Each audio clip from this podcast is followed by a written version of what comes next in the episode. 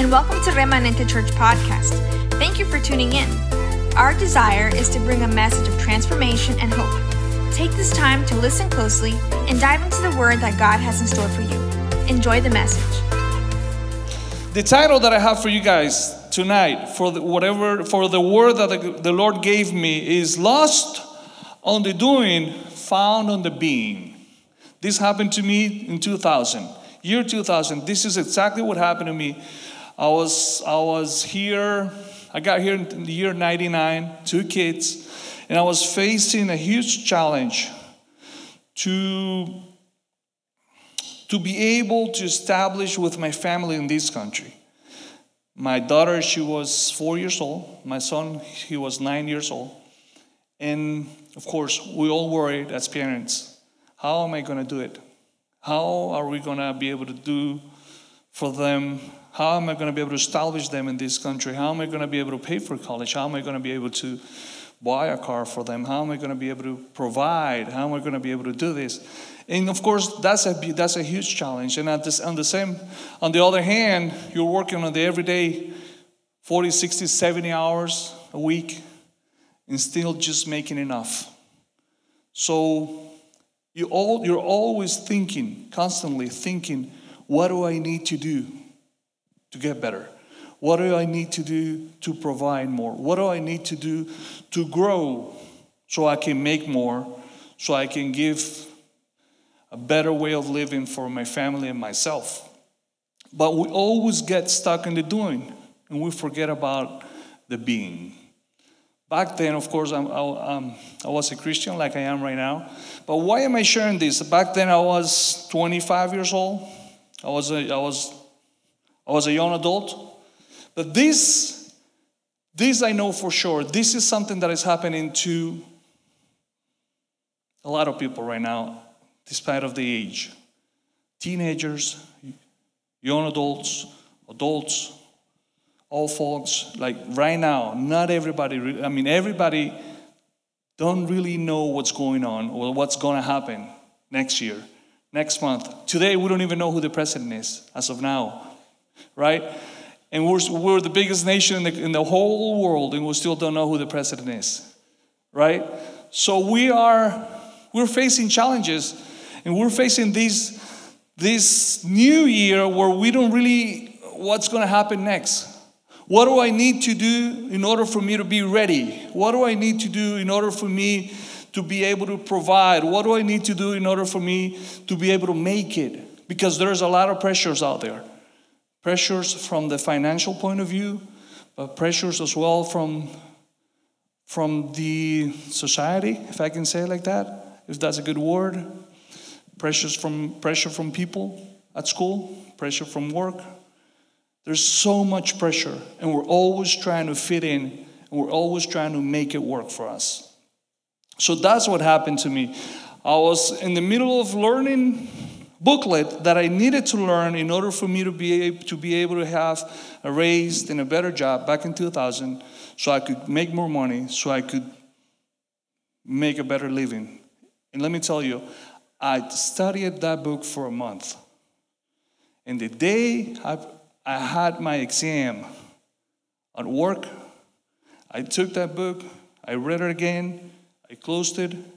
I asked my wife to start asking me questions and see if I was ready. I didn't remember a word. I was not ready. I freaked out. I said, I'm not going to make it.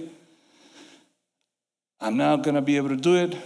So I thought of this. I thought about grabbing the phone calling the company and telling them to leave me in my job, the job that I knew, the job that I had already known how to do, the job that I believe uh, it was not making enough for me, but that's the one I knew how to do it. So I was about to call him, and then on that same desk where the phone was, there was a little promise, Bible promise.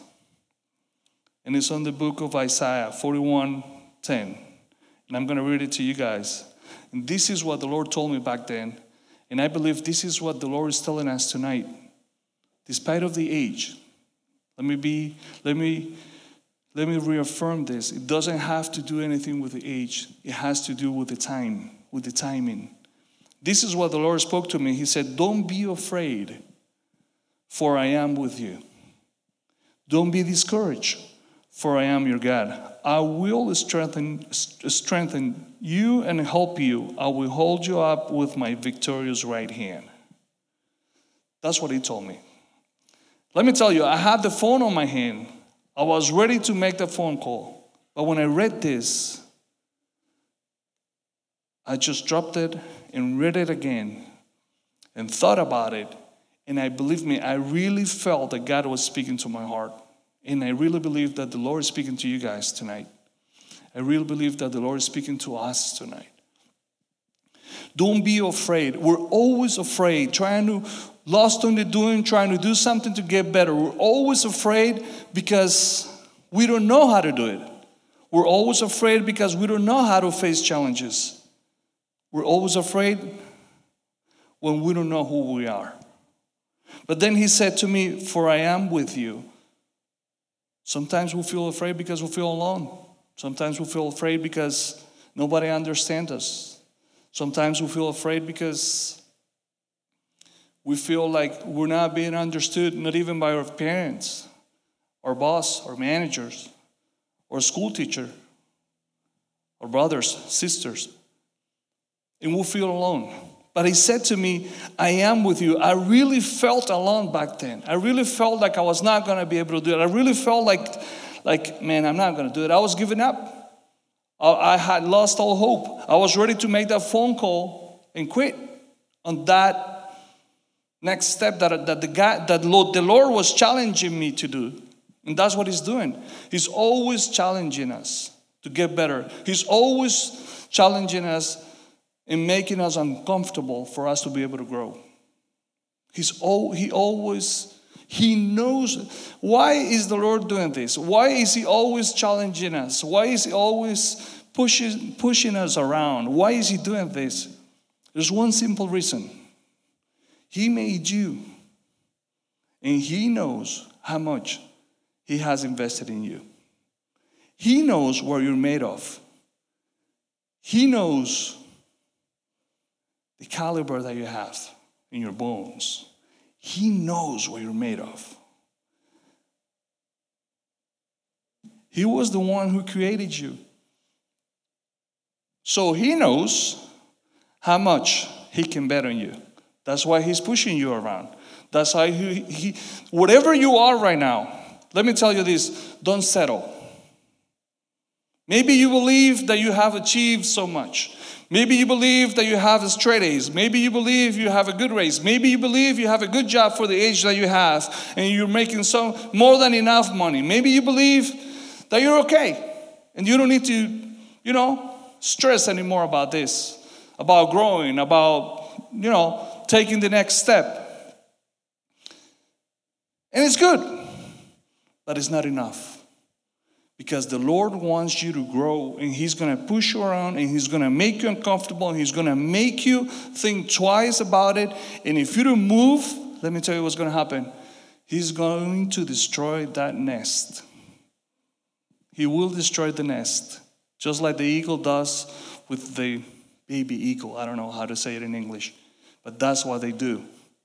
When the baby eagle doesn't want to leave the nest, mom eagle comes, destroys the nest, and then, even worse, takes the baby eagle and pushes it to the cliff down. And you have to fly. If you don't fly, you're going to die. So, I was being pushed around. I was, I was being very, very uncomfortable. And I was about to give up. But when he says to me, I am with you, I didn't feel alone anymore. I felt understood. I felt like I had a purpose. I felt like I was able to do it. I felt like I was going to be able to make it. I felt like I, like I, I had to believe in me too. But then, not only that, he says, don't be discouraged. Don't be discouraged. It's one of the major things that are, that are happening right now to everybody. We get so discouraged because we don't know what's going to what's going to what's going to happen next day, next year, next month. We don't even know when the vaccine is coming up, so we get discouraged. We're so discouraged that when people tell us, tell us that, um, oh, we're going to be shut down again, like it's happening in France or Spain, or like it's happening in Germany, that's going to happen. Then immediately we get discouraged.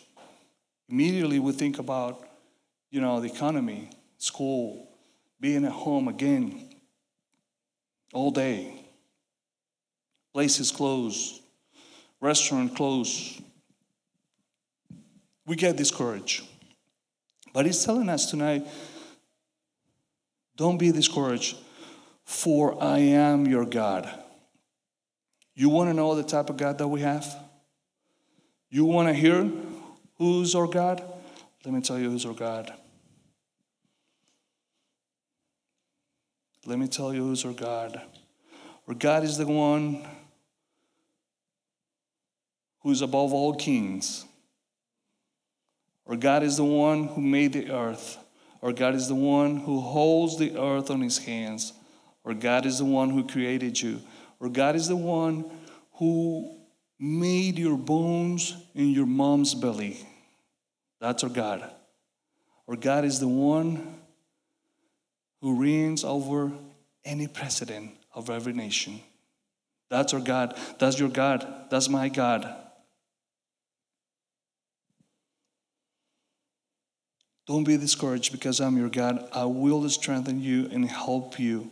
I will hold you up with my victorious right hand. With my victorious right hand. You know who sits on the right hand of God in a victorious way? Jesus. And that's who He's holding us with. That's how he, He's holding us. Through Jesus is how He's holding us. What's going to happen to us? What's really going to happen to us because the Lord is holding us through Jesus? we're going to be able to enjoy the inheritance that is given us. Oh, I have no inheritance. Mom and dad have no money. Grandpa, grandma, forget about them. I have whatever I have in my bank, and that's it. Well, let me tell you what the word says about inheritance. There's a, there's a book, I was, I was laughing about it because the name of the book is, is not really one of my favorites, but it's there. It's on the Bible, and that's where I found it. And that's what the Lord spoke to me. It's in the book of Lamentations, chapter 3, verse 24 says, I say to myself, the Lord is my inheritance. Therefore, I will hope in him. So you guys have an inheritance. We all have an inheritance. That's why we have hope. That's why he's pushing us around because he knows, he knows how much you have. He knows how much we have. He knows how much we own. We don't know, but he does. He is our inheritance. He is our inheritance. How am I going to be able to enjoy this inheritance? when we found ourselves on the being, we need to forget a little bit about on the doing and found ourselves on the being. We need to think about being. What do I need to be? How, what do I need to be in order for me to enjoy the inheritance? What do I need to be? We're always thinking about what do I need to do? But what about what do I need to be? in order for me to enjoy the inheritance. You know what Isaiah says on 41 9 before the 10th? And I found out tonight.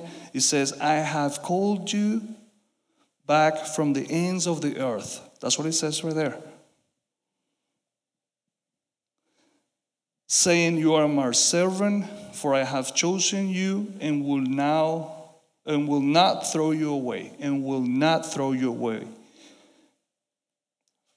My God, when I read this and I think about it, and he says, I have called you from, I have called you back from the ends of the earth.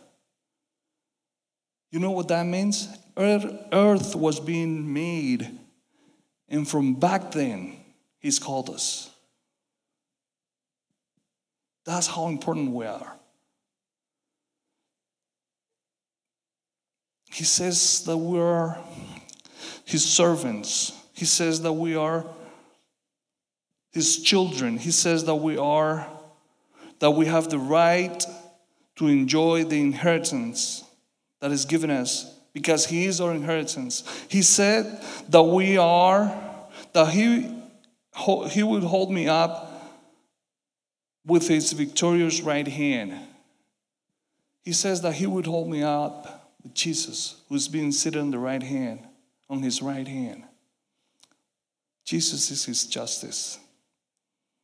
He's the one who's given us the right to enjoy the inheritance. He's the one who's helped us. He's the one who's been able to, who made it possible. He's the one who, who changed everything. Now, I have a question for you. Do you guys believe in the Word? Of course, you guys do believe in the Word. Every, everybody that's here believes in the Word. I believe in the Word. If you believe in the Word, raise up your hand over there at home, put it in the chat. I believe. Now, let me ask you another question Do you guys trust in the Word? Oh, I believe in the Word. I know the Word. I can tell you this quote and this quote and this quote. I know it by memory. Okay, now, how much of that that you know by memory you really trust? Do you actually trust that the Word is, is being there, is there for us to be able to be transformed from slaves to sons? You believe in the word.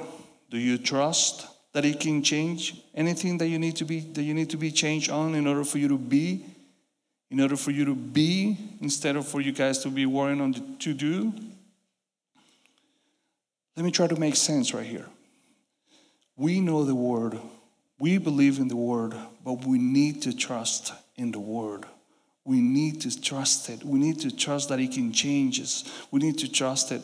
When the word is pushing us uh, is pushing us around, it's because it wants to change us from the inside out. That's what really matters.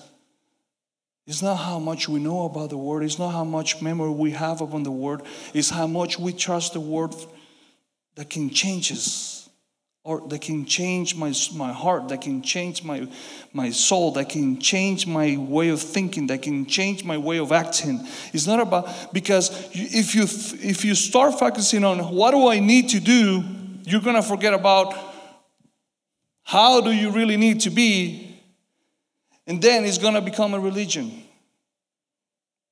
about doing. What do I need to do? What do I need to do? But if you start focusing in how, how am I going to trust the word to change me so I can be? If you worry more about being genuine, if you worry more about letting the word transform you from inside out, trusting in the word, trusting in Jesus. Jesus is the representation of the word trusting in Him and letting Him do the work in you. If you worry more about being, then the doing will come by itself. But we have to worry about being. We have to found ourselves on the being. We have to find ourselves on the being. We need to find ourselves on the being. We need to find a word that can change me. We need to let the word to challenge me. We need to change this word to push me around. We need to change the word to make me uncomfortable. We need to change the world, this word to make me uncomfortable in a way that I don't settle. Settle for nothing. Settle for a good pay. Settle for a good vacation settle for a good this is not going this is not going to be religious at all. And i'm going to have to say it because he came to me like that and i'm going to have to say it. Settle for good sex. Settle for good sex. Settle on negotiate who we are in order for us to be able to have more followers on Instagram?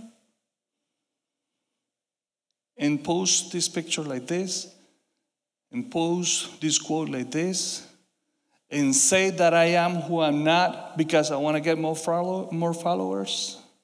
And it doesn't have to do anything with age. It does happen to me. It does happen to all folks. It happens to grandpas too. It does. This is a word for the timing, not for the ages. This is a word for the today, for what's going on today. I'm not I'm not trying to point fingers at anybody. I'm speaking about myself. I found myself on this word these two days ago when the Lord reminded me that He was with me, that He's my Lord.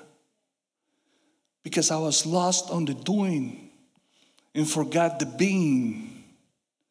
I was lost. Oh, but, but when I found myself, when I knew that I had inheritance, when I, when I found out myself that Jesus did it for me, when I trusted in the Word, I was able to be here tonight and share it with you guys. Because I was lost.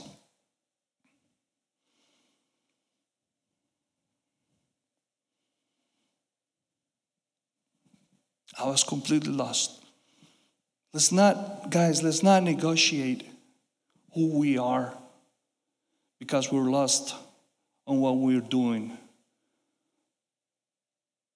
You know, draw a line and let the people know who you are, who you believe in, who you trust. It's not really, you know what? Forget that word believing.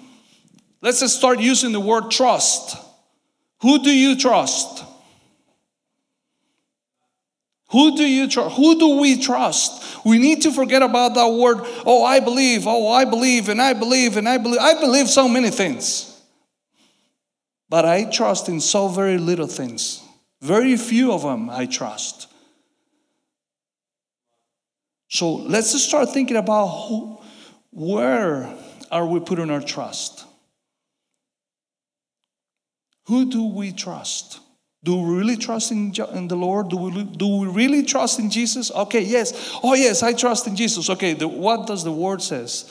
What does Jesus says about, about transforming ourselves and drawing a line and letting everybody out there know who do we trust in? Let's find ourselves in the being and not, and let's forget about the doing. The doing will be a result of the being. The doing will be a result of the being. Let's find ourselves on the being, on the truth.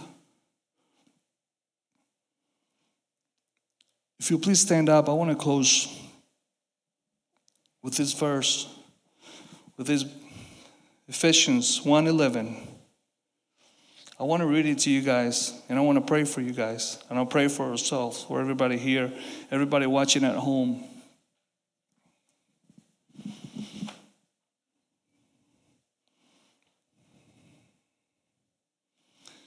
We have a God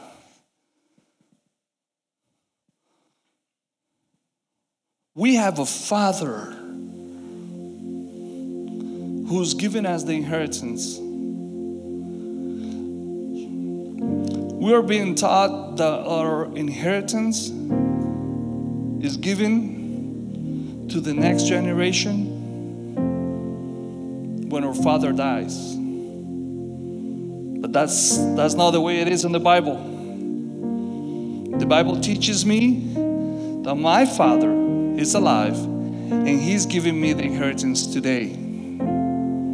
But for me to be able to enjoy the inheritance that is given me, I need to understand who I am. I need to understand that I am a son of the Most High God, that I am a son of the Lord.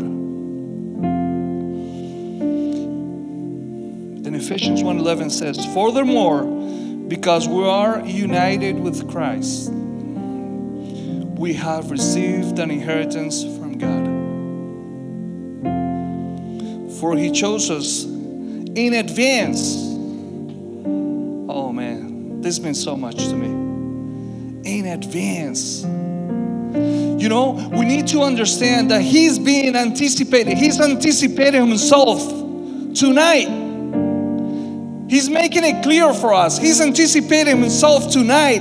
He wants you guys to know, He wants us to know that in advance, way before tonight, way before the day of November 4th, he was he's been anticipating himself and letting us know that we are sons of the most high God and that we have an inheritance. Inheritance that we need to enjoy. Inheritance that we need to learn how to live. Inheritance that we need to learn how to share. Because it is for us to enjoy but it's for his service too. It's, to be, it's for us to be able to share it. And he says for he chose us in advance and he makes everything work out according to his plan. So he has a plan for us too. He has a plan for every single one of us. And let me tell you, this year 2021, I know it's not making much sense. I know it's been a headache. I know it's been different. I know not knowing what's going to happen tomorrow or next month is really uncomfortable. But He who's given us an inheritance,